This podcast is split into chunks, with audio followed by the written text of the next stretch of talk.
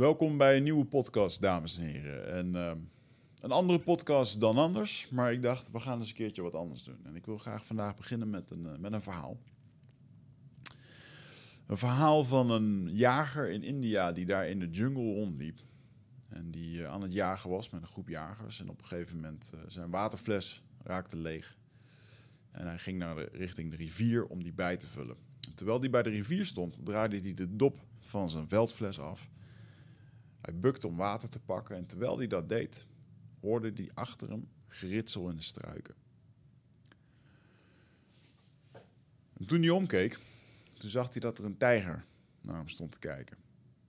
En nog voordat hij überhaupt kon reageren, besprong de tijger hem en viel hem aan. En die tijger die heeft hem vervolgens in zijn nek en in zijn schouder gebeten. En heeft deze jager honderden meters de jungle ingesleurd. Om er vervolgens een uur lang mee te spelen. Een uur lang heeft hij kat en muis met hem lopen spelen. Waarom? De tijger bracht uh, zijn prooi mee terug naar jonge welpjes om de welpjes te leren jagen. kan je dat voorstellen? En het bijzondere uh, hiervan is, waarom vertel ik dit? Nou, deze podcast gaat vandaag volledig over um, hoe wij trauma ervaren als mens en hoe we trauma opslaan in ons lichaam. Vind ik een fascinerend onderwerp. Um, ik weet dat we onlangs in een podcast met, uh, met Michel heb ik het hier ook nog wel over gehad. Um, maar ik vind het een. Uh, ik dacht, weet je, ik ga hier een keertje een solo podcast overnemen, over opnemen. Dus ik zit nu uh, alleen in de studio. Uh, ik heb hier een, een, verhaaltje uitgewerkt waar, ja, dat ik graag met jullie wil delen. Omdat ik denk dat. We lopen allemaal rond met een bepaalde manier van trauma. En vaak weten we niet dat ons lichaam dat opslaat. Nu noem ik eventjes het verhaal van de tijger. Maar een veel makkelijker voor, en, en, veel herkenbaarder. Um, voorval is natuurlijk dat jij aan het autorijden bent of je zit op de fiets. Op een gegeven moment komt er iets met 120 km per uur op jou afgereden, wat jou te laat of niet goed ziet. Uh, iemand remt uh, en je voelt die stress door je lichaam. En misschien heb je zelfs wel eens een klein ongeluk meegemaakt. Ik weet nog toen ik op een uh, zaterdagnacht terugkwam van het uitgaan en um, terugreed naar Utrecht en dat het ontzettend aan het ijzelen was. En dat ik op een gegeven moment de macht verloor over het stuur. Gelukkig um, reed ik heel erg zacht, maar dat kwam omdat uh, ja, de meneer voor mij, die 100 meter voor mij reed, die, uh, die zag ik zo de snelweg de sloot inrijden. En daardoor trapte ik automatisch op de rem. En daardoor verloor ik dus de macht over het stuur, omdat het zo ontzettend glad was. En toen ben ik uh, zigzaggend tegen de vangrail aangegaan met 30 km per uur, denk ik. En ik, nou, ik denk nog niet eens... Mijn airbag ging er niet eens vanaf. Maar mijn auto lag wel in elkaar. Die was totaal los verklaard. Um, maar dat... Uh, uh, ik weet nog dat, dat de agent toen later bij me kwam en die zei... Nou, je zal morgen wel spierpijn hebben. Ik zei, nou, hoezo dan? Nou, meestal als je een ongeluk hebt, dan, ja, dan, kramp je alles aan. Die schouders die gaan helemaal omhoog. Je knijpt dat stuur vast. Je verschrikt helemaal. En dat is dus eigenlijk een soort van shock die je ja, die lichaam aanmaakt automatisch. Hè. Het maakt je paraat om te vechten of om te vluchten of om te bevriezen. Uh, maar dat is niet gewoon eventjes een keertje schrikken. Dit is echt iets wat je met je, met je lichaam doet. Nou, ik ben er door de jaren achter gekomen dat um, ieder mens, maar vooral ikzelf, met, uh, met vele vormen van trauma rondliep en dat dat opgeslagen was in mijn lichaam. En uh, dat, dat hield mij tegen op heel veel verschillende manieren. Want wat we vaak vergeten is dat ons lichaam, dat is waar we mee voelen. Dus op het moment als je een bepaalde gebeurtenis koppelt aan een bepaald gevoel, ja, dan wordt dat dus ergens opgeslagen in je lichaam. Ik, ik kan natuurlijk wel een, een voorbeeld is dat op het moment als jij bijvoorbeeld uh, ruzie hebt met je partner, dan geeft je dat een bepaald gevoel. Dat is vaak altijd hetzelfde. Hè, misschien je, heb je het gevoel dat je keel dichtgeknepen wordt, of heb je last van je buik, of uh, hè, voor iedere keer is het anders. Op het moment dat je enthousiast bent, dan geeft dat ook weer een ander gevoel. En op het moment dat je verdrietig bent, uh, ja, dan heeft dat natuurlijk ook een, een kenmerkend gevoel. En ik denk dat ieder mens op basis van wat je allemaal hebt meegemaakt, ja, heeft te maken met verschillende soorten trauma die aan, aan het licht komen. Ook op verschillende manieren. maar vooral omdat je lichaam het je vertelt. Dus ik, ik zie een hele hoop mensen, ik coach, natuurlijk een hele hoop mensen, eh, ik doe mijn retreats. En daar zie ik mensen met heel veel verschillend trauma binnenkomen. alleen dat trauma, dat heeft vaak toch allemaal te maken met wat er vroeger is gebeurd. Of verhaaltjes die je zelf vertelt en die je koppelt aan een bepaalde gebeurtenis en, of aan een bepaald gevoel. Nou, waar ik in deze podcast met jullie over wil hebben, is, um, ik wil eens wat verder ingaan op het, um, op het fenomeen hoe dat die trauma zich dan opslaat. Wat je eraan kan doen, hoe dat je eraf kan komen. En um, ja, ik wil je daarvoor ook eens eventjes wat meenemen in, uh, in wat stof wat ik uh, onlangs heb gelezen. Ja, ik pak er even een boek bij. Dit, uh, dit boek, als je een keertje wat interessants wil lezen. Dit boek heet In an Unspoken Voice. En dit is van uh, een dokter, door een dokter geschreven, Peter A. Levine. En deze meneer heeft meerdere boeken geschreven over trauma. En dat trauma wat wij in ons lichaam opslaan, dat is um, niet iets natuurlijks. Want vrijwel ieder zoogdier heeft een, een, een soort automatisme in zich dat we trauma van ons kunnen afschudden. Want ik vertelde je net over dat uh, dat auto-ongeluk. Hè? Uh, dat wij uh, aan het rijden zijn en in één keer gebeurt er wat. Stel je even voor dat er bijvoorbeeld een hert op de weg staat. Je rijdt met grote koplampen daarop. Ehm, het hert ziet je, hij bevriest. En vervolgens schiet hij toch de, de berm in. En wat hij daar als eerste doet... Hij schudt zijn benen uit, schudt zijn nek uit... En hij schudt letterlijk de stress en al die cortisol en alle, alle stofjes die hij aanmaakt in zijn lichaam. Om te kunnen ontsnappen, om te kunnen vechten, om te kunnen bevriezen. Ja, die schudt hij letterlijk uit zijn lichaam. En dat betekent dat daarmee, uh, hij was even gestrest en vervolgens, nou, dan is het over en dan is het ook klaar. En uh, natuurlijk is het zo dat wij met, met ons fantastische brein wat we hebben, waar we zo ontzettend veel mee kunnen, ja, daar kunnen we ook negatieve dingen mee doen. En dat is verhaaltjes maken.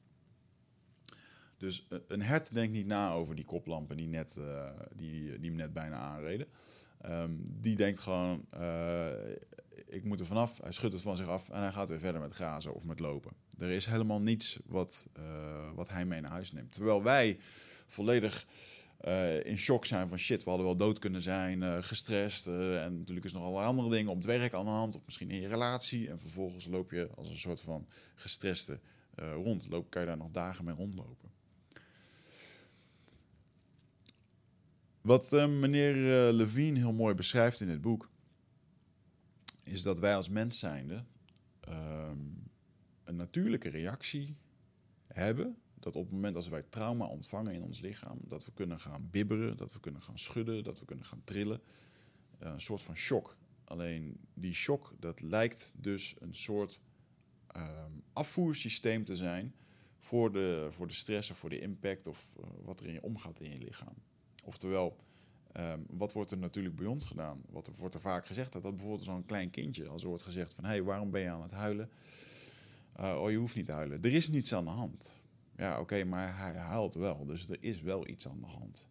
En op het moment dat je dat dan indampt, zo van je mag niet huilen... Um, dan, um, dan leren we onszelf aan om die negatieve stress die we uh, ontvangen door iets uh, om, om die op een natuurlijke manier van ons af te schudden.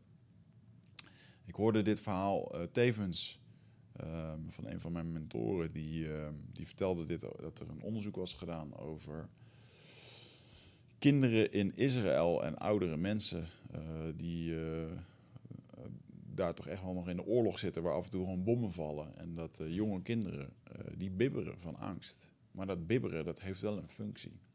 Het schijnt dus inderdaad, je, het schijnt, eh, zoals het boek hier beschrijft, het schijnt onder andere je zenuwstelsel te ontladen. Omdat er een bepaalde spanning op je lichaam komt en daarmee kan je die spanning afvoeren. Nou volwassene mensen, die, uh, uh, wanneer heb jij voor het laatst gebibberd van angst? En natuurlijk ben je, word je op een gegeven moment weerbaarder en op een gegeven moment dan, dan zal je ook wel merken, uh, ja, ik ben niet meer zo vaak angstig. Nou, gelukkig voor je. Alleen ik denk wel dat er een, dat er een hele grote dat er een heel groot deel ook verweven zit in het... ehm, we mogen geen angst voelen. We mogen ons niet op een bepaalde manier voelen. Ehm, dit boek beschrijft ontzettend mooi de verschillende staten waar je in kan komen met angst. Eh, wat deze, ik vertelde jullie net het verhaal over de tijger. En die man eh, die is later geïnterviewd en die, die, die heeft het overleefd. En ze vroegen ook aan hem van joh, je hebt letterlijk gewoon de adem van, van die tijger heb je in je gezicht gevoeld. Ehm, je hebt letterlijk jezelf zien liggen in de, in de oogreflectie van die tijger. Zo dicht was hij bij. Eh, en die welpjes die waren met hem aan het spelen. En, en hij zei, ja, ik heb daar dus helemaal niks van gevoeld. Hij zegt, ik heb, ik heb alles meegekregen. Ehm, maar ik heb geen pijn gevoeld.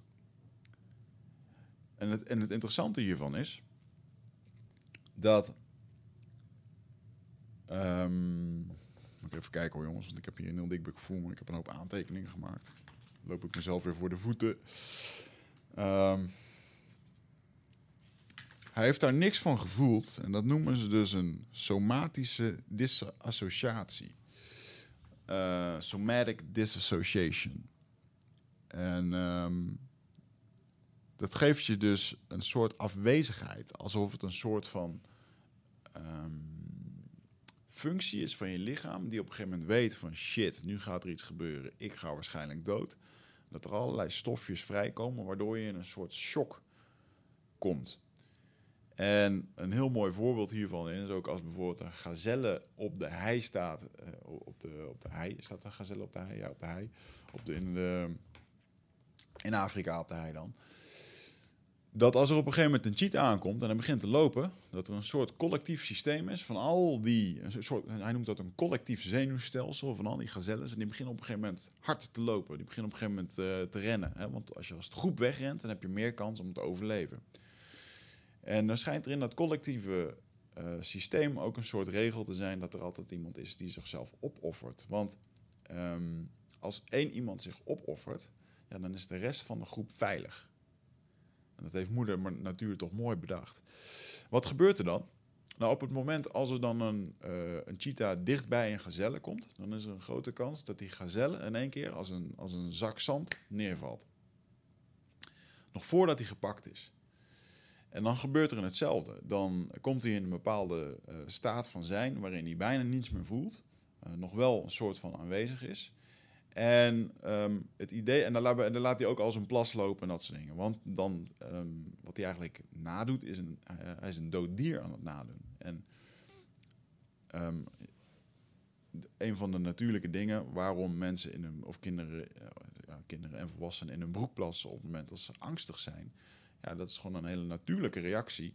Dat als er een roofdier tegenover je staat en jij plast jezelf onder, ja, dan ben je niet meer zo smakelijk om op te eten. Als jouw hamburger bij de McDonald's dat eh, zou doen voordat je een hap neemt, dat hij zichzelf onderplast, zou je het ook niet meer eten. Dus dat is logisch. Hè? Interessante hiervan is, is dat als die gazelle dan mee wordt teruggenomen naar, eh, naar de plek, naar een veilige plek waar die uiteindelijk lekker opgegeten kan worden, dan zou het ook nog maar zo eens een keertje kunnen zijn dat er eventjes een moment van onop, onoplettendheid is van de cheetah. Ehm, en dat dit beest in één keer uit die staat kan komen en alsnog kan vluchten. Dus door dood te spelen vergroot hij zijn kans eigenlijk om te overleven. En, eh, en wij mensen kunnen dat dus eh, schijnbaar ook. Wat hij hier beschrijft, die, eh, die associatie van wauw, als er echt iets gebeurt, dan, dan check je gewoon een soort van uit. En ehm, het soort trauma wat men hier aan overhoudt, schijnt dus minder erg te zijn dan iemand die ehm, in een hele benarde situatie heeft lopen vechten ertegen. Dat is een andere soort afweer. Dus eh, je wordt gebeten door de tijger. En je komt in een soort shockstaat. Je kan niks meer. Je, je ziet dat er van alles met je gebeurt, maar je voelt eigenlijk niks meer. Deze meneer is daar vrijwel zonder trauma overheen gekomen. En eh, er wordt heel mooi beschreven in het boek van hoe komt het dan dat, we, dat sommige eh, situaties wel trauma vasthouden. En het heeft vooral te maken met onmacht. Eh, onmacht en ehm, ehm, het niet vrij kunnen on- ontsnappen. En wat ik daarmee probeer te zeggen is, ze hebben hier bijvoorbeeld testen gedaan met schapen. Schapen, die hebben ze uh, op hun rug gelegd. Nee, ik zeg het verkeerd. Of koeien. Volgens mij waren het koeien. Als je een schaap op zijn rug legt, dan krijgt hij volgens mij... Dan komt hij voor zo'n niet meer overeind. Dus dan ben ik even mee de war. Ze hebben hier zoogdieren, ik dacht koeien, hebben ze op hun rug gelegd. Dan ontstond er stress, want ja, het is natuurlijk raar voor een koe om op zijn rug te gaan liggen. En vervolgens uh, werd hij uh, op eigen kracht, kon hij weer recht overeind gaan staan en kwam dat gewoon goed. En dan meten ze allerlei bloedtesten wat dan de stressfactor was met zijn hartslag en dingen. En het bleek dus dat ze konden dit keer op keer doen. En er bleef geen stress achter in het systeem. Geen meetbare stress. Die konden dat gewoon van zich afschudden. Totdat ze op een gegeven moment een soort uh, plankenconstructie hebben gemaakt. In een soort V-constructie. Uh, en daar hebben ze die koe tussen gelegd. En toen kon die dus niet herstellen. En toen merkten ze dat de stress uh, dermate hoger werd en dat hij ook aanwezig bleef in het systeem, dat hij daar moeilijker van kon herstellen. Nou, waarom? Ja, je, je bent in één keer een soort onmacht. Je, je kan niet um, ontsnappen. Dus ja, je, je, hebt het gevoel dat je gedrongen wordt, dat, het, dat, het, dat, je, um, dat je iets opgelegd wordt. Nou, dan kom je natuurlijk in een heel uh, um, ja, pijnlijk vaarwater. En dat is natuurlijk als mensen bijvoorbeeld misbruikt zijn, of als ze uh, in elkaar geslagen zijn door een groep, of dat, dat, er, dat er echt ernstige dingen zijn gebeurd, of bijvoorbeeld in, in oorlog. Ik sprak hier nog onlangs over met een, uh, met de, met een commando van de Korps Commandotroepen. Ik was bij de kazerne in Roosendaal en die vertelde ook dat de meeste PTSD komt van situaties waar inderdaad onmacht aan te pas komt waar men wel iets zou willen doen, maar, maar waar men het niet mag of niet kan doen. En dat schijnt echt een, uh, omdat wij natuurlijk ontzettende denkers zijn, ja, dat schijnt wel echt een dingetje te zijn. Zit jij uh, vaak in je hoofd? Uh, neem je heel veel informatie tot je video's, podcasts, boeken? Nou, voel je niet schuldig, dat doen heel veel mensen natuurlijk. Hè, maar vaak zijn we op zoek naar antwoorden. gaan we nog meer informatie tot ons nemen, terwijl ja, de antwoorden liggen toch echt in onszelf. En dat is iets wat we voelen met ons lichaam. Maar vaak zijn we zo erg in ons hoofd bezig ja, dat we dat ook niet meer, dat we daar niet meer echt goed bij kunnen. En dat is graag waar ik je voor uit wil nodigen. Voor Ride of Passage. 24, 25 en 26 mei is er weer een nieuwe editie. Voor mijn retreat voor persoonlijke ontwikkeling. Waarbij het thema echt is om uit het hoofd te komen in dat lichaam. Want dat is waar je alles ervaart. En ik wil dat je gewoon weer in contact komt met, met die, die intuïtie. Um, en dan gewoon een heel sterk uh, innerlijk kompas. Dat je gewoon weer weet waar je naartoe moet, wat je te doen staat. En dat je gewoon weer helderheid hebt over wat je wilt en hoe dat je dat gaat doen. En dat doen we middels uh, bio-energetische oefeningen, dynamische meditaties, een stuk shamanisme zit erin. Het enige wat er bekend is van het programma is dat er een zweethut in zit. Uh, en natuurlijk gewoon hands-on persoonlijk leiderschap. Uh, dit retreat krijgt een 9,2 gemiddelde van meer dan 331 deelnemers. Daar ben ik ontzettend trots op. Sterker nog, er is ook een money back guarantee. Vind je niks na drie dagen, krijg je gewoon je geld terug. Dus het enige risico dat je loopt, is dat je gelukkiger wordt. Klinkt dit als iets voor jou en durf je het aan? Dan zie ik je op Ride of Passage. Ga naar wichertmeerman.nl en klik op Retreat.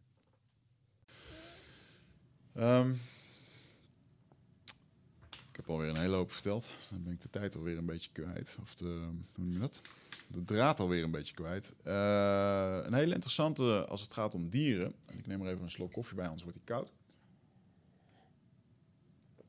Interessante van die dieren is dat je ook beschrijft dat uh, in uh, zogenaamde safariparken in, in, in Afrika, als dieren daar worden opgenomen omdat ze geopereerd moeten worden, of ze moeten bijvoorbeeld ingeënt worden, of ze moeten een of andere chip krijgen dan krijgt zo'n dier een verdovingsspuit.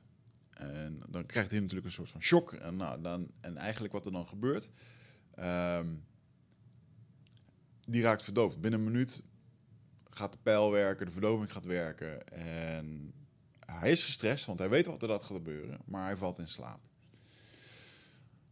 Dit is echt mega interessant, jongens. Dat op het moment als dit beest dus later bijkomt en ze doen niets aan de reactie opwekken van de stress, dan valt dat dier een aantal dagen later dood neer. Want hij heeft de stress niet kunnen ontladen en die blijft in het lichaam. Dus wat ze nu doen, is het dier verdoven. Ze opereren het, dan brengen ze terug naar het wild. En voordat hij echt los wordt gelaten, wordt de stressreactie nog een keer opgewekt. Dus hij wordt nog een keer gestrest, waardoor hij gaat schudden, waardoor hij gaat briesen. Het strekt zijn poot uit, gooit het van zich af. En vervolgens is die stress van zijn lichaam af. En dan pas laten ze hem weggaan. Dat is bizar voor woorden, hè? dat, uh, dat zo'n dier dan gewoon dood neervalt. En wij mensen, uh, joh, uh, als ik gewoon rondkijk naar alles wat op de, alles wat er überhaupt rondloopt in onze maatschappij, maar ook op persoonlijke leiderschapsevenementen of, of de mensen die je coach of, of ik zelf. Wauw man, echt met een hele hoop trauma rondgelopen. En daar raak je op een bepaalde manier aan gewend. En wij mensen zijn, wij zijn echt sterke wezens. Hè? Um, en ik vertelde je eerder over die, die staat van zijn van, van, van een gezelle of van die meneer die een soort disassoci disassociatie krijgt. Zo'n staat dat je niks meer voelt, dat je een soort van lam gelegd wordt. Nou, bij mensen is het dus ook zo dat die staat op een gegeven moment de normale staat van zijn kan worden. En dat komt omdat we niet leren omgaan hoe dat wij trauma uit ons lichaam gooien. Hoe dat we um, ja, onszelf als het ware genezen. En uh, er is natuurlijk wel een reden dat als je naar uh, Indianenstammen kijkt, uh, in Afrika, in, in, Brazilië, in waar dan ook, dat um, muziek, trance en dans dat dat een bepaalde rol heeft. Hè? Dus als je een shamaan daar ziet schibberen met zijn stok en die staat helemaal te trillen en ze doen dat urenlang om in een bepaalde trance te komen. Ja, ze zijn letterlijk de energie aan het verplaatsen.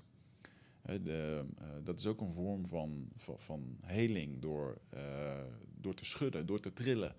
Door, uh, door naar een bepaalde emotie te gaan die in je lichaam opgeslagen zit en die op die manier te kunnen verplaatsen. Ik heb hier zelf heel veel mooie ervaringen mee gehad. Omdat voor degene de luisteraars die mij al wat langer kennen. Um, weet je, ik heb. Uh, ja, ik durf wel te zeggen dat ik best wel trauma. Uh, ja, ik heb best een traumatische jeugd meegemaakt op bepaalde punten. Ik heb ook een hele fijne jeugd gehad. Maar ik heb ook een hele traumatische jeugd gehad. Traumatisch in de zin van dat ik in een uh, huishouden heb gewoond waar, waar, ja, waar tien jaar lang gewoon huishoudelijk geweld aan de slag. ja, nou, laat, laat, ik het zo zeggen. Tien jaar lang heb ik in een huishouden gewoond waar gewoon dagelijks geweld voorkwam. En in het begin was dat um, agressiviteit, praten, schelden, ruzies. En op een gegeven moment ja, merkte ik dat mijn broer toch op een gegeven moment ander gedrag probeerde te ging vertonen. En dat werd steeds agressiever. Dat op een gegeven moment zelfs de bloempotten door het, uh, ja, door het huis heen vlogen. Dat, uh, dat er gevochten werd in huis. Dat er ruzies waren. En nou, dat was eigenlijk best wel veel ellende toen. En dat kwam omdat mijn broer schizofrenie aan het ontwikkelen was. Wat wij op dat moment nog niet wisten. Dus um, dan heb je gewoon te maken met iemand van je, van je familie. Die in één keer, die langzaam, dag per dag, jarenlang aan het veranderen is. En dat is ook heel erg moeilijk om daar afstand van te nemen. Uh, misschien weer een ander verhaal. Maar wat daar dus gewoon gebeurde, was dat ik gewoon tien jaar lang in een huishouden heb gewoond waar, waar gewoon stress was. Ik wist nooit of dat, of dat er iets, of dat de boel zou ontploffen op het moment als ik zo meteen thuis zou komen. Ik wist nooit of dat de ruiten weer door zouden gaan. Als de deurbel ging, en dat heb ik echt jarenlang gehad, ook nog daarna, dat als de deurbel ging, dan, uh, dan sloeg mijn hart over. Dan stond ik meteen paraat, had ik een soort van adrenaline shock die daar uh, door mijn lichaam heen ging. En um, nou ja, goed, ik ben er natuurlijk na een hele hoop um, moeilijke tijden en ja, ook wel een hoop boosheid. Ik denk dat ik toen in die leeftijd, toen was ik 20 jaar, toen was ik nog niet zo'n diepe denker als nu en uh, nam ik het allemaal heel erg persoonlijk. En wat daar gebeurde was dat ik uh, ja, toch wel mijn broer heel erg de schuld gaf van uh, hoe mijn jeugd was gegaan. En daar was ik wel heel erg boos over. Dus ik heb op een gegeven moment gewoon geen contact meer met hem gezocht. dat kwam zeker na een, een, periode waar ik hem in de hoogtijdagen... heb ik hem vier keer per maand aan de politie overgedragen. Mijn eigen broer. En uh, vechtend en met dat we alle twee met een bloed gezicht uh, buiten op de, op de stoep lagen. Dat de halve buurt mee zat te kijken. En ja, En dat de ruiten ondertussen ook weer doorgegooid waren. Joh, dat is echt zo'n... Ja, het was een hele moeilijke tijd, om het eventjes zacht uit te drukken. Ook voor, voor de familie en natuurlijk ook voor mijn broer. Uh, die later de diagnose kreeg, ja oké, okay, schizofrenie. En de momenten waarin dit dus gebeurde, zat hij dus ook in psychoses. Maar in psychoses kan je weken leven. En uh, ja, wij wisten dat gewoon niet. En wij zaten gewoon zo dicht in dit hele verhaal. Voor mij was dit gewoon een soort van normaal, dat dit altijd gebeurde. Ik weet nog wel dat mijn, mijn allereerste vriendinnetje, uh, ik was 19, ik was een laabloeier. mijn allereerste vriendin die, die zei van, joh Wigert, ik kom wel een keertje mee naar, jou, naar jouw huis. Ik zeg, nou, dat is misschien niet zo verstandig, want er gebeurt nog wel eens wat. Toen zei ze, nou, ik heb ook een broer, komt wel goed. En dat was het moment dat zij één dag bij ons was en dat ze tegen mij zei van, joh Wigert, wat hier gebeurt, dat is echt niet normaal. En dat heeft me toen heel erg aan het denken gezet en ook wel doen beseffen van, wauw, ja, ik zit hier echt al heel erg lang in. En dan kom je natuurlijk op een mooi gezegde dat als je in het potje zit, dan, dan kan je niet kijken wat er, uh, wat er op het etiket staat. Um, en ik zat gewoon in dat potje. Wij zaten met z'n allen in dat potje. we zagen het niet aan de buitenkant. Maar in ieder geval, um, waarom vertel ik dit verhaal? Omdat ik erachter ben gekomen dat, uh, dat een hele hoop van die stress, dat ik daar gewoon een soort van gewend aan geraakt was. En dat ik dat, ik, joh, ik vond ook heel erg moeilijk om dat te uiten. Ik wilde ook niemand tot last zijn. Um, als ik, ik weet nog dat we de eerste paar keer dat als er een keer de ruiten werden doorgegooid, dan, uh, dan belde ik bepaalde mensen op om dat te vertellen. En toen dit na de tiende keer uh, weer gebeurde, toen, zeiden ze op een gegeven moment: joh, maar gaat wat je belt iedere keer om dit te vertellen. Wat, wat wil je nou eigenlijk dat wij doen hieraan? Moeten we naar je toe komen? Moeten we, uh, moeten we je huis bewaken? Moeten we, weet je? En op een gegeven moment toen, toen, voelde ik een soort van, oh, dus nou, misschien is het gewoon beter om je anderen niet echt mee lastig te vallen. En, en zo is dat natuurlijk een hele reactie. Hè? Dat, uh, zeker een kindse reactie. Ik was dan denk ik 16, 17 jaar toen dit soort dingen gebeurden. Ja, en dan ehm, ben je natuurlijk ook heel erg je plekje aan het zoeken. Um, nou, de meeste van jullie weten ook wel dat mijn vader overleden is twee maanden na mijn geboorte. Uh, toen kwam er later een stiefvader in huis, waarmee, uh, die heeft lang bij ons gewoond, tien jaar lang. En uh, ja, dat ging op een gegeven moment ook niet lekker met mijn broer. Dus weet je, je krijgt allemaal impulsen over. Er was gewoon continu stress op allerlei manieren. En, en dat vormt je. En ik ben er wel achter gekomen dat, dat ik die stress jarenlang en nu nog steeds wel eens gewoon bij me draag. Of ook nog wel eens opzoek. En waarom? Ja, omdat ik dat ken. Um, ik ben nu mijn boek aan het schrijven. Ik vind dat een heel mooi gezegde. Het gaat dan, uh, gaat dan over de liefde waar ik wat schrijf. Dat in de liefde gaan we vaak op zoek naar hetgeen wat je kent. Of wat je zo hard hebt gemist.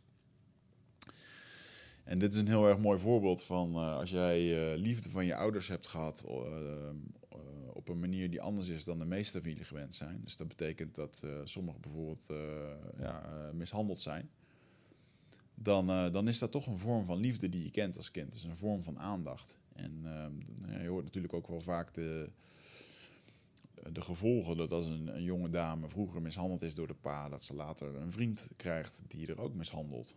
En, dat, dat, soort, dat je dat onbewust aantrekt, omdat dat is wat je kent. Nou, daar wil ik het vandaag niet te veel over hebben, maar wat ik er in ieder geval mee wil aangeven, is dat wij met een hele hoop shit rondlopen in ons lichaam en dat we dat nooit op een goede manier van onszelf hebben kunnen afschoten. Wij drinken niet iedere week ayahuasca zoals de Indianen dat doen. Wij zijn niet aan het uh, schudden en aan het bibberen en aan het chanten en aan het doen. Um, weet je, er zijn, en er zijn honderden manieren om jezelf te helen van dit soort dingen.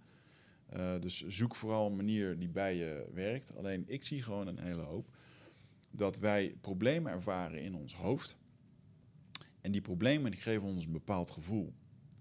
En dat gevoel, dat krijg je, ja, dat, is, dat, dat zit in je lichaam. En met je hoofd kun je geen uh, problemen oplossen. Einstein die zei dat ook al. Hè, de problemen die je in je hoofd creëert, die kun je niet met hetzelfde brein oplossen. En ik denk dat hij daar gelijk in had. Um, het heeft mij ontzettend veel geholpen om uh, terug te gaan uh, naar dingen die gebeurd zijn, eh, naar die trauma's, naar waar dat dan ook in je lichaam zit, om daar vervolgens wat mee te doen en om daar eh, ja, dat letterlijk van je af te schudden of om het te genezen. En ehm, mijn koffie begint koud te worden.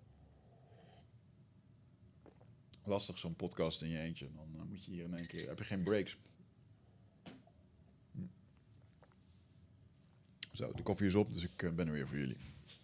Um, weet je, ik heb een aantal stappen uitgeschreven over ik, waarvan ik denk dat die, ehm, zoals, zoals het mij heeft geholpen.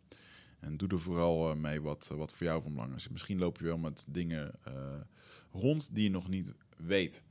Misschien hoor je dit nu voor het eerst en dan denk je van ja, ehm, ik had het onlangs, gaf ik, ehm, gaf ik een, een, lezing in het Spaarne Gasthuis in, in Haarlem aan, aan medici, dokter, operatieassistenten en anesthesisten. Dus dat zijn mensen die hier wel mee bezig zijn. En ik vertelde dat sommige dingen gewoon in je systeem kunnen zitten en dat je daar zelf geen in, dat je het zelf gewoon niet ziet. En er kwam een vrouw achter mij, uh, of achter na de lezing, die kwam naar mij toe. En die zei: Wigert, uh, dankjewel. Je hebt me zojuist laten inzien dat ik gewoon al 40 jaar lang rondloop met iets wat ooit een keer is gebeurd en waar ik eigenlijk niet meer mee rond moet lopen, maar dat ik het zelf gewoon niet opgelost krijg. Nou, dan denk ik: halleluja, weet je. Dan, dan was het die lezing al waard. En, en het allereerste, wat, wat, de allereerste stap om hiermee aan de slag te gaan, is, is bewustzijn, awareness. Want hoe jij je op bepaalde manieren voelt, misschien ben je bijvoorbeeld niet zelfverzekerd. Misschien voel je je soms niet gezien, of voel, durf je niet in je grootsheid te gaan staan, of durf je niet in je, uh, in je kracht te gaan staan, vind ik zo'n uh, zo'n weeg woord. Maar um, ja, gewoon met zelfvertrouwen ergens naar binnen durven lopen. Um, um, misschien zie je uh, dat je regelmatig ongelukkig bent, omdat bepaalde dingen continu gebeuren. Uh, dus een stuk bewustwording over bepaalde patronen die je hebt. Dat is super belangrijk erin. Bewustwording over bepaalde patronen en het liefst herhalende patronen. Want als er op jouw werk continu dingen gebeuren uh, die ervoor zorgen dat jij stress ervaart, bijvoorbeeld de collega die continu werk bij je op het werk, is, werk uh, op jouw bureau legt en zegt: Dit moet je doen, want het moet af. En dat je daar geen grens in durft aan te geven, dat soort ja, dingen. Of dat je geen nee durft te zeggen tegen je baas, omdat je bang bent dat je ontslagen wordt. Want je bent afhankelijk van geld en dit en dat. En je hypotheek en je gezin en blablabla. Bla, bla. En je ervaart het iedere week. Nou, gefeliciteerd. En dan ben je er zojuist achter gekomen dat je in een herhalend patroon bent, zit. En, en daar moet je uit zien te komen. Hè? Want de allereerste uh, stap is bewustwording over, uh, de over waarom jij je zo voelt. Want um, de stress die jij op je werk ervaart, heeft niets te maken met het werk aan zich, maar heeft ermee te maken dat het iets bij jou oprakelt van binnen. Uh, een oude herinnering, waardoor, je, waardoor je gestrest raakt. En een, een, heel goed voorbeeld hiervoor, ik, ik heb hem hier opgeschreven. Ik heb toen een, ehm, ik zat een film te kijken met, met Ben Affleck, waarin die een soort autistisch jongetje speelt. Ik ben de naam even kwijt, jongens. Maar um, volgens mij The Accountant heette die, ja. Uh, hij is een autistisch jongetje en heeft een vader die militair is. En die probeert zijn kinderen echt ja, op te voeden op, een, op zo'n hele ouderwetse militaire manier. Echt te drillen. En op een gegeven moment ehm, ja, dan ziet hij zijn vader die mishandelt op een gegeven moment zijn broertje. En uh, ja, terwijl ik die film zat te kijken, begon ik me gewoon naar te voelen en rot te voelen. Um, even buiten gelaten waarom dat, dat zo is. Maar het, ja, ik, durf wel te zeggen dat er gelijksoortige dingen voor zijn gekomen die daarop leken. En um, in mijn situatie. En ik werd daar gewoon letterlijk misselijk van.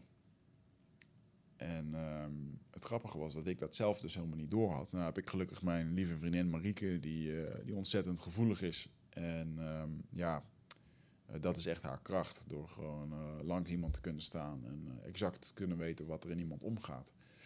En dat ze ook aan me vroeg van waarom, dat, terwijl we aan het film kijken, zei ze, waarom voel je je nu zo? En ik werd er een soort van lam geslagen, stil van en ja, eigenlijk geen idee. Toen ben ik naar een regressietherapeut gegaan.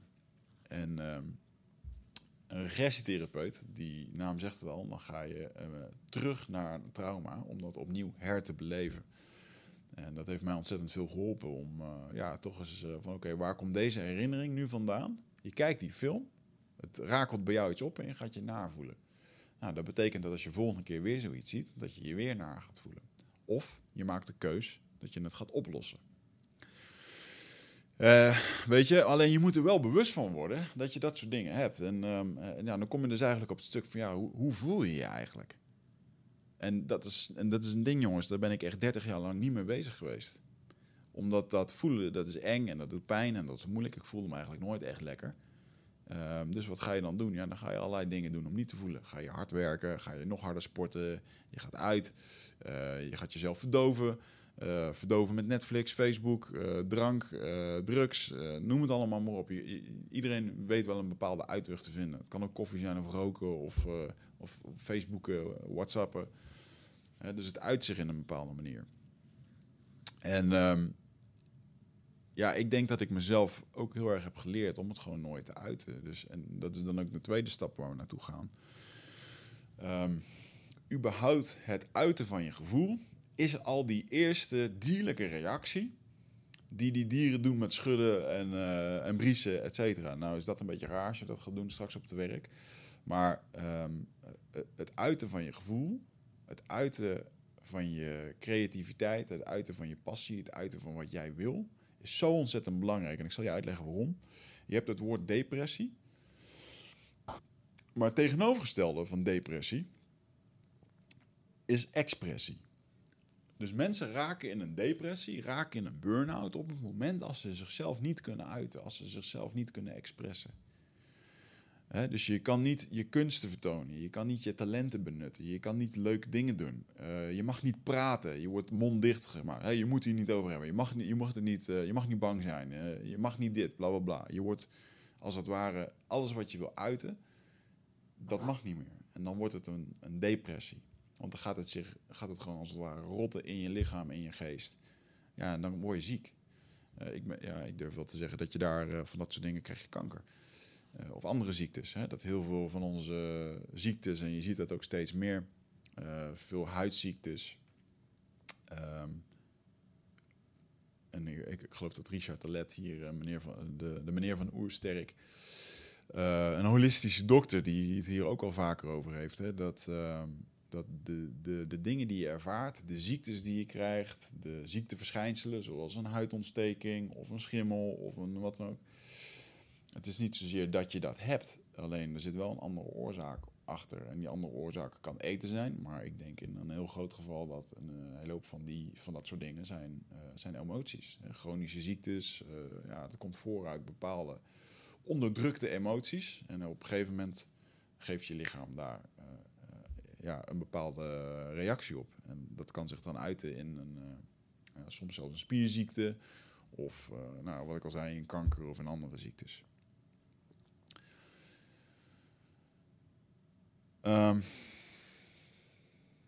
dat stukje uiten, jongens, zo ontzettend belangrijk. Want we zeggen vaak niet wat we echt denken. We durven het niet. Ehm, we zijn bang hè, om uh, ontslagen te worden, om uit het groepje te, te, gegooid te worden. En dat is een hele natuurlijke uh, reactie natuurlijk, want ja, je moet samen zien te overleven. Alleen, wat ik, als ik één ding heb mogen leren van mijn tijd bij de Indianen in de Amazone, en het is zo ontzettend mooi dat je gewoon een paar keer per week bij elkaar komt. En dan ga je daar gewoon zitten met, uh, met een mannetje of 30. Ik heb het ook een keer met 130 man meegemaakt. En dan ga je daar gewoon zitten en dan krijg je een talking stick en dan ga je in het midden zitten. En dan vertel je gewoon eventjes wat er in je omgaat. Je vertelt je, je zorgen, je ambities, je dromen, je angsten, je dankbaarheid. En ehm, dat is ontzettend mooi om te zien. Dat, uh, ik heb daar een keer letterlijk gezien dat iemand uh, zei van... joh, ik ben echt aan het rouwen voor het verlies van ons zoontje.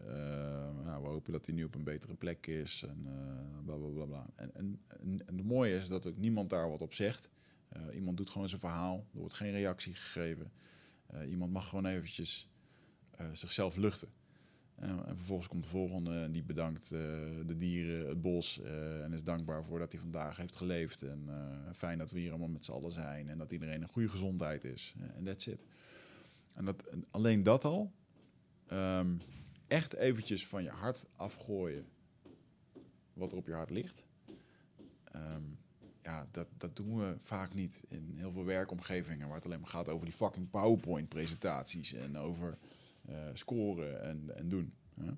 Uh, en, en dan kom je meteen een beetje in het volgende. Is dat wij uh, het moeilijk vinden om ons gevoel uit te kunnen spreken. En dat gevoel is ook heel erg moeilijk om uit te spreken, omdat veel van ons in ons hoofd zitten en niet in ons lichaam. In je lichaam, daar voel je. Hè, enthousiasme voel je met je lichaam en dat voel je niet in je hoofd. Ehm, in je hoofd, daar gaan alleen maar gedachten rond. En die gedachten die zorgen ervoor dat je je rot gaat voelen of dat je je fijn gaat voelen. Ehm, en als je dat niet goed kan managen, of als je continu vastzit met dat denken, in, in loopjes aan het denken bent, ja, dan, dan wordt het gewoon een storm in je hoofd. En dan op een gegeven moment, joh, dan, uh, ja, dan krijg je migraines, dan krijg je andere dingen. Um, kijk, en uiteindelijk is het ook zo dat is ook bijzonder, hè, dat als ik hier een, uh, een onzichtbaar touwtje zou hebben. Ik heb hier een touwtje. En als dit het uiteinde is, de ene kant, stel nou dat dit je gevoel is, dan zijn de andere kant, uh, is alles wat binnenkomt via je receptoren. Dus alles wat je ziet, alles wat je hoort, alles wat er om je heen gebeurt. En het komt binnen bij jou en het gaat door al die filtertjes heen. Die filtertjes van je, hoe je bent opgevoed, van je religie, van hoe, uh, ja, hoe jij over bepaalde dingen denkt, over je ego, je, je, je persoonlijkheid, gaat naar binnen. En vervolgens geeft jou dat een bepaald gevoel. Dus dat betekent dat je gedachten jou een bepaald gevoel geven. Want het komt binnen bij je, je gaat erover nadenken en je krijgt een bepaald gevoel. En uh, dat is natuurlijk gewoon de verhaaltjes die we onszelf vertellen. En ik denk dat die, uh, als je daar. Uh, ik denk dat je daar af en toe kritisch naar moet kijken. Want jouw gevoel, dat is altijd echt. Daar kan niemand iets over zeggen. Als jij nu gestrest voelt, als je je nu angstig voelt, als je je eenzaam voelt, kan niemand iets over zeggen. Um, stel dat je bijvoorbeeld nu thuis zit met, een, met straatvrees. Je durft niet over straat. Bang dat er wat gebeurt. Dat gevoel, die angst die je voelt, die is echt. Maar het verhaaltje, de gedachten die jij jezelf vertelt, die ervoor zorgen dat jij dat gevoel krijgt, ja, daar kan je je vraagtekens bij stellen. Want jouw buurman, die denkt er niet over na zoals jij erover nadenkt, en die gaat gewoon de straat op. En dat heeft puur te maken met die gedachten. En Um, ik denk dat een hele hoop van die energie bij veel mensen in hun hoofd blijft zitten. Uh, heel erg belangrijk, uh, energie moet daarin stromen. En want op het moment als je uh, denkt terug, hè, dat als, je, als er iets gebeurt in je lichaam, ja, dan wil je dat dat door heel je lichaam heen stroomt. De hele energie moet door je lichaam heen stromen. En een hele simpele, de derde stap hierin is ook gewoon, jongens, jongens, je moet uit je hoofd in je lichaam. Voelen versus denken. Uit je hoofd in je lichaam. En, en gisteren sprak ik op een ROC. En er komt een 18-jarige naar me toe en die zegt: Wigert, uh, ik heb een boek van Eckhart Tolle. En uh, ja, wat is de beste manier om in het nu te leven? En dan denk ik: Wauw, dat is best wel een opgave. Dat, dat doen best wel veel mensen hun hele leven over. weet je, maar ga gewoon alsjeblieft sporten. En ga sporten dat je over het randje heen gaat van oh, even lekker sporten. Dat je echt even die piek aanraakt. En dat je later lekker met die suis door je hoofd heen rond kan lopen. Dat je gewoon even helemaal leeg bent. Dat, dat is het moment wanneer je echt eventjes in het nu kan zijn. Waarbij het gewoon oh, ervaart dat je net wat lekkers hebt gedaan. Uh, dat je lichaam helemaal aan het stromen is. Het stroomt letterlijk. En, en, waardoor je letterlijk even alles kan vergeten en niet in die gedachten zit. Um, de volgende stap is ja, eh, laat ik even terugkomen op dat stukje in je lichaam komen. Het heeft er natuurlijk gewoon mee te maken met, ja, je moet gewoon gaan bewegen om in je lichaam te komen. En, uh, en een van de, de grote helden van mij uh, op dit gebied, moet ik even zeggen, dan moet ik even nuanceren, is Osho. Osho is natuurlijk een omstreden goeroe in, in Amerika. Als je de Netflix documentaire hebt gezien, dan begrijp je wat ik bedoel.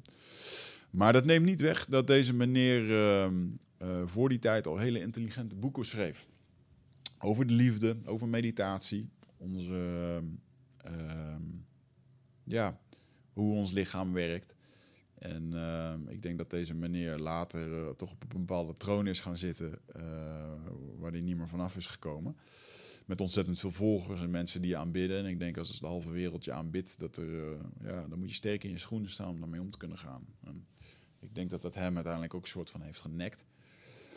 Um, maar dat neemt eventjes niet weg. Hij had een hele mooie, ehm, mooie observatie dat als hij de lezing, een satsangs aan het geven was, dan zat hij gewoon drie uur te preken op een veld. En dan uh, zat iedereen voor hem op het grasveld. En als iedereen dan wegging, dan zag hij allemaal kaal geplukte uh, plekken op het gras. En wat ontzettend gaaf was, uh, vond ik een mooie observatie van hem, was dat hij dacht van ja, mensen zijn dus gewoon helemaal niet gemaakt om stil te zitten. En ja, gewoon maar stil te zitten. Daar moet je getraind voor zijn. Mensen zijn gewoon neurotische wezens. Ze zitten gewoon dwangmatig, zitten ze continu gras te plukken hier. En hij heeft toen bijvoorbeeld het concept bedacht, dynamische meditaties, waarbij je jezelf uh, eerst op een fysieke manier ontlaat, om vervolgens te gaan mediteren in die stilte. Want mediteren is natuurlijk helemaal hip en happening. Ik denk zeker dat je het moet doen. Het helpt mij ook, ik doe het te weinig. Zeg ik eerlijk. Um, maar meditatie zorgt voor rust in je hoofd. Alleen uh, als er onrust is in je hoofd, dan is het heel erg lastig om te gaan zitten en om te gaan mediteren. Dan is het heel erg lastig om in één keer 10 minuten uh, of 15 minuten of een uur uh, te gaan zitten.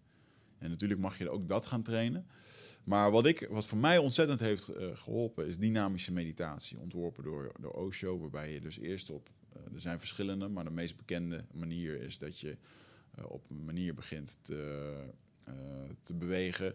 Dat je uh, mag schreeuwen, dat je mag huilen, dat je, mag, dat je eerst heel uh, chaotisch gaat ademen, zodat je je lichaam als het ware oplaadt, alsof je een soort ballon aan het opladen bent. en om vervolgens een moment te krijgen dat je alles eruit mag gooien. Dan mag je schreeuwen, dan mag je op de grond slaan, je mag huilen, je mag lachen, je mag alles doen wat er in je opkomt. En het bijzondere is dat op het moment als je hier echt 100% ingaat, ja, dat is hetzelfde als jij nu met een honkbalknuppel op je kussen 10 minuten lang gaat uh, slaan, dan, uh, dan lucht dat ook op. Ondanks dat er in eerste instantie nu niks met je aan de hand lijkt. Of dat je op een boksbal staat te slaan, weet je. Het is gewoon een bepaalde ontlading van, van emotie. En die emotie die kan je opwekken door eraan te denken of door in beweging te zijn. Want je lichaam geeft heel vaak aan wat er in jou omgaat, wat je nodig hebt. Dat is ontzettend interessant. En um, weet je, die dynamische meditaties die hebben mij toen echt ont ontzettend geholpen. Ook in de ten tijde van mijn burn-out. Uh, waar ik me futloos en um, moe en, en, rusteloos voelde. Um, en, en, eigenlijk helemaal niet meer zo goed wist wat ik nou precies voelde in mijn lichaam. En door middel van dit soort meditaties te doen, kwam ik echt weer in mijn lichaam. En wow, ik voelde mezelf in één keer weer. En dat heeft me echt ontzettend geholpen hiermee. Um, op het moment als je dan in je lichaam zit, ja, dan, uh, dan moet je teruggaan naar die emotie. En dat kan op heel verschillende manieren. Er zijn veel verschillende theorievormen over. Uh, ook veel verschillende therapievormen natuurlijk. Want je hebt regressietherapie, je hebt EMDR, uh, waar ze met zo'n lampjes iets met je brein golven doen, um, waardoor, je, waardoor de herinnering minder sterk wordt. Uh, dat kan je bij een psycholoog doen. Uh, je hebt uh, transformatief werk, je hebt transreizen, ehm, je hebt mensen die energetisch werk doen, je hebt shamanisme, ja, je hebt ayahuasca. je kan van allerlei dingen doen. maar de basis is dat wat er in je lichaam zit, wat er trauma verzorgt, dat mag eruit. En dat kan op heel veel verschillende manieren. En ik denk niet dat er een manier is ik denk niet dat er een manier is die dé manier is, maar jij moet een manier vinden voor jouzelf. Hoe je dat je erachter komt. Ik krijg zo vaak de vraag van jongen, uh, van Wigert, vind je dat ik ayahuasca moet drinken? Nou, dat kan ik niet voor je vinden, want dat moet je zelf vinden. En je vraagt nu aan mij of dat, uh, uh, je vraagt eigenlijk een soort goed, goedkeuring van mij. Um, maar ik denk dat je moet doen wat voor jou werkt. En dat betekent dat je verschillende dingen moet gaan proberen. Ga eens een keertje naar een regressietherapeut. Dus ook, over, ook voor de simpele dingen. Als je gewoon regelmatig merkt van... joh, ik merk gewoon dat ik weinig zelfvertrouwen heb.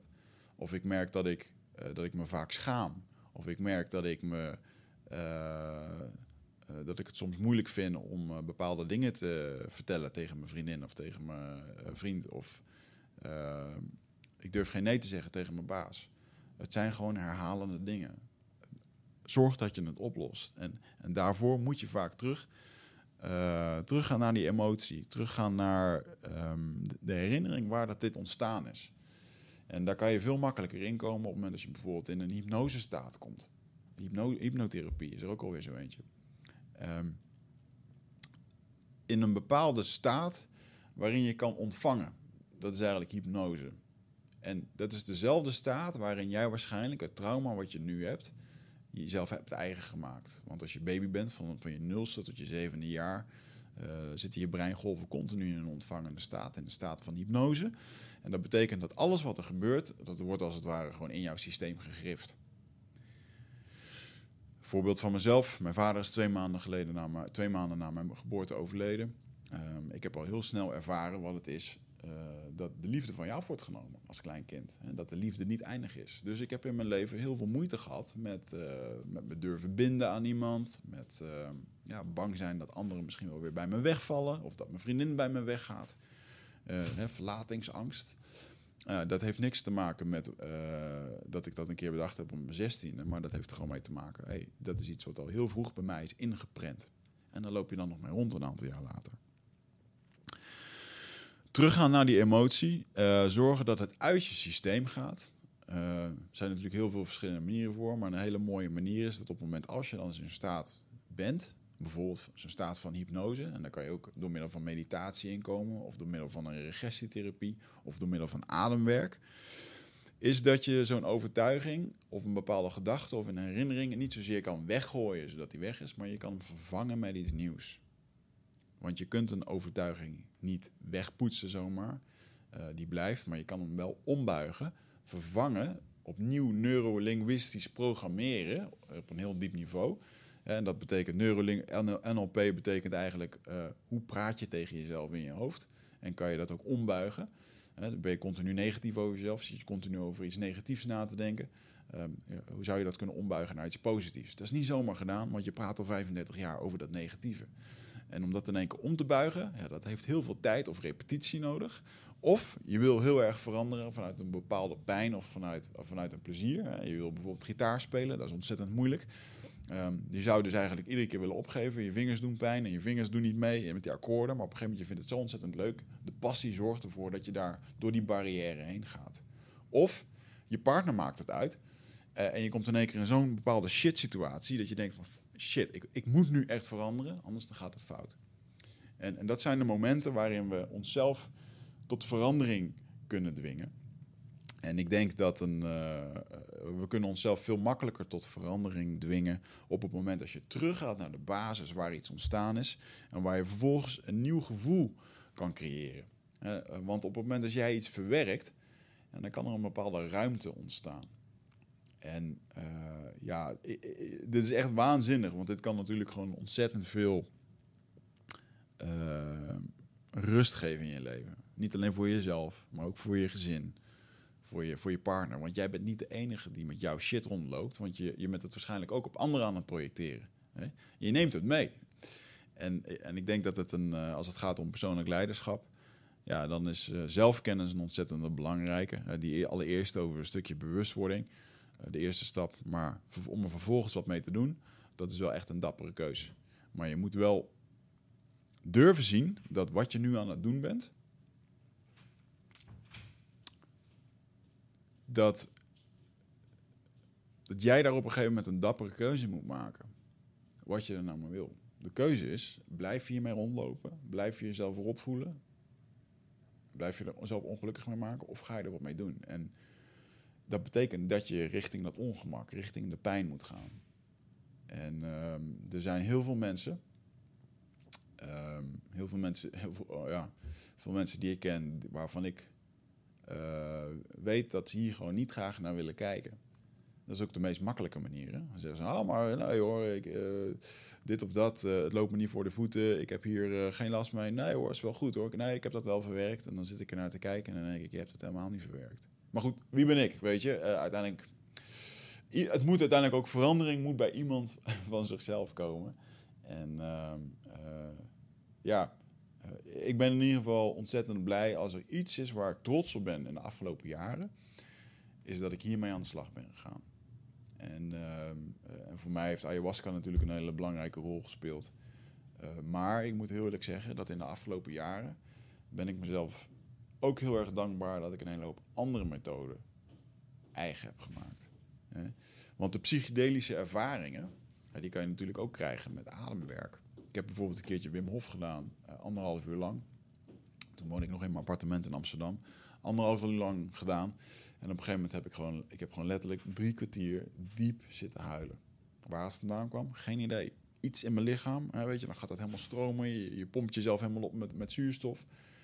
Ja, en dan vervolgens, dan, dan gebeurt er iets waardoor er iets losspringt in je lichaam. En uh, ja, er gewoon een stuk heling ontstaat. En uh, dat is wel echt ontzettend uh, ja, waardevol. Nou, meditatie hoort daar natuurlijk ook bij. Uh, meditatie, jongens, is natuurlijk veel verschillende vormen, maar mijn vriend Michael Pilagic die heeft natuurlijk een fantastische app, Meditation Moments. Uh, ben je nog niet begonnen met mediteren of wil je er juist mee beginnen of wil je eens een keer wat anders? Download die app, want het is echt hartstikke goed. En ehm, ik, denk dat er, ik denk dat er in Nederland niet veel beters is. Er is geen betere dan Michael en zijn Meditation Moments. Wil je een keer dieper werk doen door middel van transreizen, dan is mijn lieve vriendin Marieke van Meijeren, die heeft echt waanzinnige sessies. Sacred Spirit Sessions noemt ze het graag. En uh, dat vind ik echt uh, fantastisch om te zien. Die kan gewoon in een, op een evenement zitten, een meditatie leiden 200, met 250 mensen. Waarbij mensen echt fantastische doorbraken hebben. waarom? Omdat ze toch naar een bepaalde staat van zijn worden gebracht. dus energetisch werk. Daar moet je voor openstaan. Uh, en die mensen die komen erachter, die gaan dingen zien, die ervaren dingen, lossen dingen op. en die lopen vervolgens huilend naar buiten. En ja, ik vind het fantastisch om te zien. En dat is natuurlijk maar één van de zoveel manieren. Um, ik heb zelf in de jungle meegemaakt hoe, hoe het stamhoofd zijn, zijn schoonmoeder, nee, ik zeg het verkeerd, zijn, zijn eigen moeder aan het genezen was van een verkoudheid. En dat deed hij door middel van ja, met zijn handen en met, met, met rook en met rook van bladeren en dingen. Echt, weet je jongens, wij, wij, leven nu 50 jaar of 100 jaar in een bepaalde medische wereld waarvan ik denk, we weten helemaal niets. Terwijl in het oude shamanisme al 4000 jaar uh, wordt daar gewerkt met acupunctuur. acupunctuur bestaat al 4000 jaar, shamanisme bestaat al 4000 jaar. En die mensen die werden ook gewoon oud. en, die hadden ook allerlei manieren. In iedere cultuur zie je, iedere inheemse cultuur zie je manieren om, uh, om zichzelf te helen. Als uh, of het nou naar de sauna gaan is, of, of dansen of chanten met z'n allen. Er zijn gewoon manieren waardoor je jezelf op een bepaalde manier moet uiten. En je lichaam kan, uh, kan herstellen. Andere belangrijke, en dat is het zesde punt, dat is... Ehm, ehm, nou, dan ga ik hier trouwens nog eventjes naar terug, want... Um, uh, die psychedelische ervaringen, dat noem ik dan eventjes de ervaringen waarin je uh, in een bepaalde staat van zijn komt die je normaal niet voelt of niet ziet. En dat kan dus heel erg makkelijk door middel van ademwerk, meditatie uh, of inderdaad door psychedelica zelf. maar ik denk ook door, door bijvoorbeeld door, te vasten. Door bijvoorbeeld niet te eten een tijd. Het is hartstikke gezond om dat te doen. Hè? Want wat ervoor zorgt is dat je in één keer bij bepaalde gevoelens kan komen. Of dat je bepaalde, ja, even een andere view krijgt over bepaalde dingen. En daarvoor moet je toch in een bepaalde staat zien te komen. Die je normaliter in de drukte van ons bestaan, waar je niet in komt. En een hele mooie methode daarvoor is natuurlijk uh, de natuur in. Ehm, de natuur, en de natuur heelt ons al gewoon. Überhaupt in de natuur zijn, verlaagt je hartslag, doet van allerlei met je bloeddruk, is gewoon wetenschappelijk bewezen. Gewoon in het bos zijn. En dat is natuurlijk ook een. Uh, nou, ik heb natuurlijk mijn dieet, mijn ritueel in de, in de jungle gedaan. Maar ook bijvoorbeeld zweethutten. In een zweethut zitten waar je. Dat is bijzonder om daar in te zitten met 25 mensen. Uh, in een paar vierkante meter. En dat iedereen in zijn eigen universumpje aan het denken is. Dat hij eruit wil. Zit na te denken over zichzelf. Want je wordt heel erg gedwongen om over jezelf te denken. Waarom? Nou, fantastisch. De Sioux-Indianen die hadden dat al heel vroeg door. Dat op het moment als je uh, iemand zijn zicht wegneemt, het is pikdonker en het is heet, dan ga je op een andere manier zien. Ga je op een andere manier zien. Dat kan zijn door middel van gevoel, door middel van visioenen. Uh, ja, andere gedachten. dus als je eventjes de sensoren uitschakelt waar we normaal mee kijken. En je wordt, uh, het wordt je lastig gemaakt. Je wordt tot een bepaalde fysieke inspanning gedreven. Ja, dan gebeuren er hele bijzondere dingen. En uh, ik heb dit onlangs met een groep mogen doen, 20 mensen, op, het, op mijn retreat, een Rite of Passage. En wauw man, dan is het echt bijzonder eh, de verschillende ervaringen die iedereen heeft. En daarin kan je gewoon niet zeggen wat het voor je doet. Maar de twintig mensen die dit hebben gedaan, ja, die hadden allemaal gewoon uh, hun eigen worsteling of hun eigen strijd. En sommigen echt dingen achtergelaten in die hut, weet je wel. Gewoon, uh, ja, mensen die zichzelf een stuk lichter eruit zagen komen. dat is mooi om te zien. natuurlijk het stukje vasten, daar hadden we het net al eventjes over, maar of überhaupt gewoon het in isolatie zijn. In isolatie zijn kan op verschillende manieren. Leg je telefoon een week in de, in de, in de kast. Uh, geen social media, geen internet. Um, uh, of je gaat alleen de natuur in, of je zorgt dat je uh, gewoon een tijd offline bent. alleen dat al is zo ontzettend helend voor je systeem. Je wordt meer bewust van jezelf. Je gaat er meer achter komen wat er in je omgaat. En, en dan heb je natuurlijk nog het allerlaatste. Um, als het gaat om traumaverwerking. En dat is toch echt verbinding verbinding. En dat is het reden waarom wij zo goed fungeren in een stam. Omdat de stam ons uh, ontzettend helpt bij uh, het tegengaan van eenzaamheid. Uh, we voelen onszelf gezien, we voelen onszelf waardevol, we dragen ergens wat aan bij.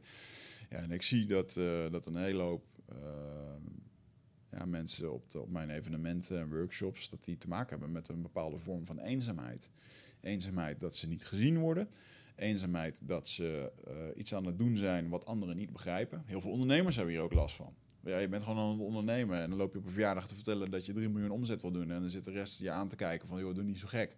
Waarom moet dat allemaal? En, en dan heb je dus te maken met iemand die, die anders naar de wereld kijkt. Maar dat kan best wel eenzaam voelen. Maar je hebt natuurlijk ook een stuk eenzaamheid dat je gewoon ja, geen connectie hebt met je familie. Geen connectie met je schoonfamilie, geen connectie met uh, nou, misschien maar met een beperkt aantal mensen. En uh, ik heb daar zelf heel veel last van uh, gehad, moet ik eerlijk zeggen. Dat ik uh, veelal in het ondernemerschap een bepaalde eenzaamheid voelde. Uh, um, een bepaalde gedrevenheid miste, een bepaalde connectie met anderen daarin miste. En ik denk dat ik, ehm, ja, ik ben heel selectief ook altijd wel geweest met mijn vrienden. Eh, ik ben blij dat ik, ik heb, ik noem het altijd verschillende vriendengroepen. En echt een, wat mijn eerste stammetje was, dat was de Ehm, ja, de, de sportschool. Uh, samen op de judomat en uh, wedstrijden doen. En dat creëert zoveel verbinding. En verbinding, jongens, wordt, um, wordt ontstaan op het moment dat je deelt. Als je je gedachten deelt. Als je samen een passie deelt, samen bepaalde dingen doet. Um, dan creëert dat een bepaalde verbinding. En ik sprak hier toevallig laatst nog eens over met, uh, met een vriend van me. En die noemde dit een zogenaamde ik ben er nog niet helemaal uit, dus misschien moet ik er niet over beginnen. Maar uh, de polyvagal-theorie, dat schijnt wel iets uh, te zijn. En dat uh, poly betekent natuurlijk meerdere. En de vagal, dat had ermee te maken dat in onze zenuwen, in onze cellen, wordt al iets aangemaakt op een moment als we samen met anderen zijn. Er gebeurt wat, een bepaalde chemie, een bepaalde contractie. En dat betekent dus dat diep in onze cellen, in onze zenuwen, zijn we gewoon gemaakt om verbinding te maken binnen die stam. Nou, wat gebeurt er dan als je niet het gevoel hebt dat je verbinding kan maken? Omdat je je eenzaam voelt, omdat je geen connectie hebt met je ouders, omdat je connectie, omdat die ouders bijvoorbeeld altijd al weg waren. Bijvoorbeeld zo'n ding, jongens. Ja, ik weet dat een hele hoop hier van jullie aan doen. Ik heb bijvoorbeeld een dochtertje en ik, uh, um, ja, ze gaat één dag in de week naar een gastouder. Ze is nu anderhalf jaar. dat doen we omdat ze heel graag. Uh, ze wilde op een gegeven moment gewoon met andere kinderen spelen. Wij wonen in de natuur, dus die heb je daar niet. Maar we hebben er wel bewust voor gekozen om haar zelf uh, op te voeden. Dus ik heb hier zelf drie jaar geleden een beslissing in gemaakt. Als ik straks een kindje heb, dan wil ik er veel voor haar zijn. En uh, nou, ik zei het eerder al, hè, in de liefde uh, ben je altijd op zoek naar hetgeen wat je gemist hebt uh, of, of wat je kent. Nou, ik heb bijvoorbeeld dat heel erg gemist. Connectie met mijn vader. Dus ik wilde heel erg voor haar zijn. Ik zie ook wel dat dat bij mij een ding is. En ik vind het dus heel erg belangrijk om, uh, ja, om haar die connectie te geven, die verbinding. En zeker in de eerste jaren, waarin zij in die hypnose zit, 0 tot 7 jaar, om haar daar het beste in mee te geven. En natuurlijk ga ik haar ook helemaal verkloten op allerlei manieren door dingen te zeggen of dingen verkeerd te doen of het verkeerde voorbeeld te geven. Maar dat, dat is haar reis. Zoals um, mijn mentor Elliot Huls uh, mooi zei. We're all fucked up by our parents. En, en, daarin had hij wel gelijk. Het maakt niet uit wat je doet als ouder zijnde. Maar, maar goed, je doet het beste. Hè? En um, ja, goed. Ik denk dat dat stukje verbinding uh, met like-minded mensen zijn, in die tribe zitten. Wow, dat is zo ontzettend krachtig. En, en, en, je, en zal je verbazen dat je, ook al heb je dat misschien nu niet en ben je daar naar op zoek, dat je die verbinding echt heel snel kan vinden. Dus ga bijvoorbeeld naar een sportclub, ga naar een, eh, naar een club waar je samenkomt. Nou, noem eens even wat, een mastermind of zo'n mannencirkel of een vrouwencirkel of een, noem het wel op. Eh, of een, bijvoorbeeld een retreat, daar, daar kan je dat ook al gewoon binnen een aantal dagen. Uh, kan je met mensen die je niet kent, kan je meer connectie voelen dan mensen die je al twintig jaar kent. En dat is wel uh, de grote kracht van, van een tribe en, en verbinding. wow, dit was best wel een. ik weet niet eens hoe lang dat ik heb gekletst. Kijken. Begon om tien uur. Wauw, een uur en een kwartier. Nou, dat heb ik best wel goed gedaan in mijn, eentje. Um, ja, jongens, als je dit interessante stof vindt en uh, je vindt het vet. En je denkt, ik moet hier iets mee. Uh, ik sta op een bepaald kruispunt, ik moet een bepaalde beslissing nemen. Ik, uh, maar je doet het niet, je blijft vastzitten in bepaalde patronen. Misschien is het op je werk, misschien is het met je baan, misschien is het met je relatie. En je wil eens een keertje een deep dive in jezelf maken. En ehm, ja, je wil daarin de confrontatie met jezelf aangaan. Wat uh, in mijn ogen, zoals je dat hebt gehoord, een voorwaarde is. Je moet het ongemak opzoeken. Gecontroleerd ongemak overigens. Dan, uh, dan ben je van harte welkom op mijn retreat. Uh, Ride of Passage, 14, 15 en 16 februari. Uh, waanzinnige locatie in Drenthe. Het programma is geheim. En dat heeft ermee te maken dat, ehm, dat ik wil dat je dat ongemak al voelt op het moment dat je je opgeeft voor dit retreat. Ik heb het nu, uh, vorige keer hebben we het gedaan. Het retreat kreeg een 8,7 gemiddeld.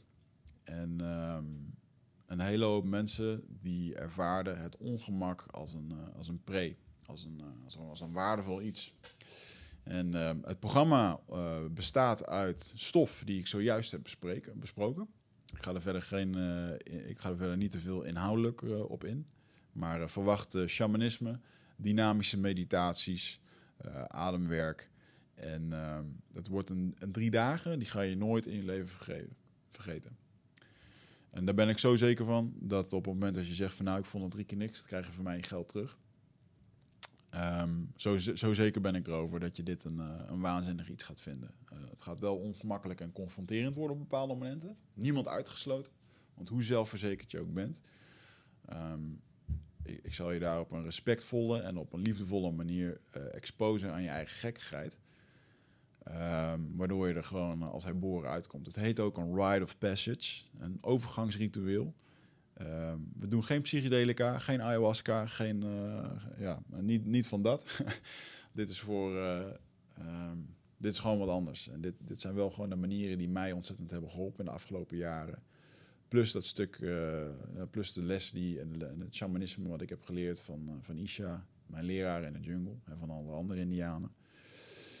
Is gewoon dat we zo ontzettend zelfhelend zijn. Een stukje holistisch zelfhelend vermogen wat we in ons hebben, wat dan weer geactiveerd wordt, waar we mee aan de slag kunnen, waarmee je uh, ja, doorbraken kunt behalen. En ik combineer dit ook met persoonlijk leiderschap, omdat ik ik hou ervan om het. Uh, een hele hoop wat daar gebeurt kun je niet verklaren. Het, hoeft ook helemaal niet. En dat, dat proberen ook een hele hoop mensen. Maar dan komen we weer met het. Ga even uit je hoofd. Uh, en, laat het gewoon even zijn wat het gebeurt. Laat het gewoon even zijn wat het is. Um, durf, durf open te staan voor wat je nu niet kan zien. Of wat je nu niet misschien kan voelen of ervaren. En je zal zien dat binnen drie dagen uh, is dat echt ja, waanzinnig wat er allemaal kan gebeuren. En uh, weet je, ik, uh, volgens mij heb ik de video hier op mijn, op mijn telefoon. En ehm, ik zal eens eventjes een video gewoon even afspelen. Eh, met de reacties van... Doe ik dat heel professorisch, want normaal zou je dat natuurlijk mooi moeten zien in dit filmpje als je op YouTube zit. Maar ja, het merendeel zit toch op Spotify en op, uh, op iTunes. Dus uh, dat duurt één minuut. En dan krijg je gewoon eens wat reacties te horen van mensen die er zijn geweest. Eén minuut duurt het inderdaad, ja. Ik hoop dat je het kan horen, jongens. Ik zet hem even op de, op de mic. Verbinding, krachtig, veel in beweging. Ja, toch wel heel bijzonder. Ja, broederschap, verbinding, kracht Verrassend, bijzonder en liefdevol. Oncomfortabel, loslaten, inzichten, verbondenheid, vriendschap. Uit je comfortzone, ontlading, inzichten, verbondenheid, broederschap en zusterschap. Oncomfortabel, broederschap, vriendschap, prettig. Ook wel prettig. Confrontatie, ontwikkeling, transformatie. confronterend, liefdevol, acceptatie, warm, zorgzaam, gezellig ook. En die vooral. Puur, overweldigend, extreem, uitdagend, leerzaam, ja heel bijzonder.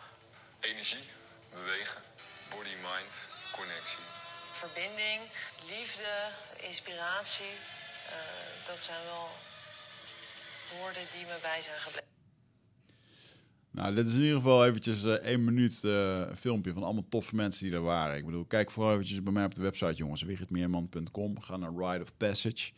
En eh, ja, dit was gewoon te gek, man. Dit waren gewoon toffe mensen die bezig zijn met persoonlijk leiderschap. Die met zichzelf willen, maar wel eventjes naar de next level willen. Want ik denk dat een hele hoop van ons vastzitten met, eh, weet je, naar een evenement gaan, een, een, eh, met een boekje, de hele dag informatie tot je krijgen. En dan vervolgens naar buiten gaan, eh, geïnspireerd. Maar de volgende dag, dan, dan, gebeurt er gewoon niks. En dat komt omdat je je gevoel niet veranderd hebt. Of omdat je geen oude shit hebt opgelost. Je hebt alleen maar nieuwe informatie in dat kopie aan het rondzeilen laten gaan. En weet je, dit is gewoon dieper werk. Dieper werk als het gaat om persoonlijk leiderschap. En ik ben ervan overtuigd dat dit, dit retreat, zoals dit wordt aangeboden, is het enige in Nederland. Ehm, en ik, ik ben er ook gewoon fucking trots op dat ik, eh, ja, ik heb- ben er super trots op dat ik dit heb ontworpen. Ehm, en ik denk dat het een hele mooie beschrijving is dat op het moment als je ehm, kennis wil maken met de oude wijsheden en principes van de inheemse stammen. En je wil dat combineren met, met wat wij vandaag de dag noemen modern high performance of persoonlijk leiderschap. Wat voor mij niks anders betekent dat, man, je moet gewoon erachter zien te komen waarom je denkt wat je denkt, waarom je voelt wat je voelt en waarom je doet wat je doet. Want op het moment dat je dat bewustzijn creëert en je gaat ermee aan de slag, door de oefeningen die we daar doen, door, door de doorbraken, door de processen die je meemaakt, ja, dan loop je letterlijk als een nieuw persoon naar buiten. Echt een ride of passage. Eh, een overgang naar iets nieuws. Om, om oude shit achter je te laten.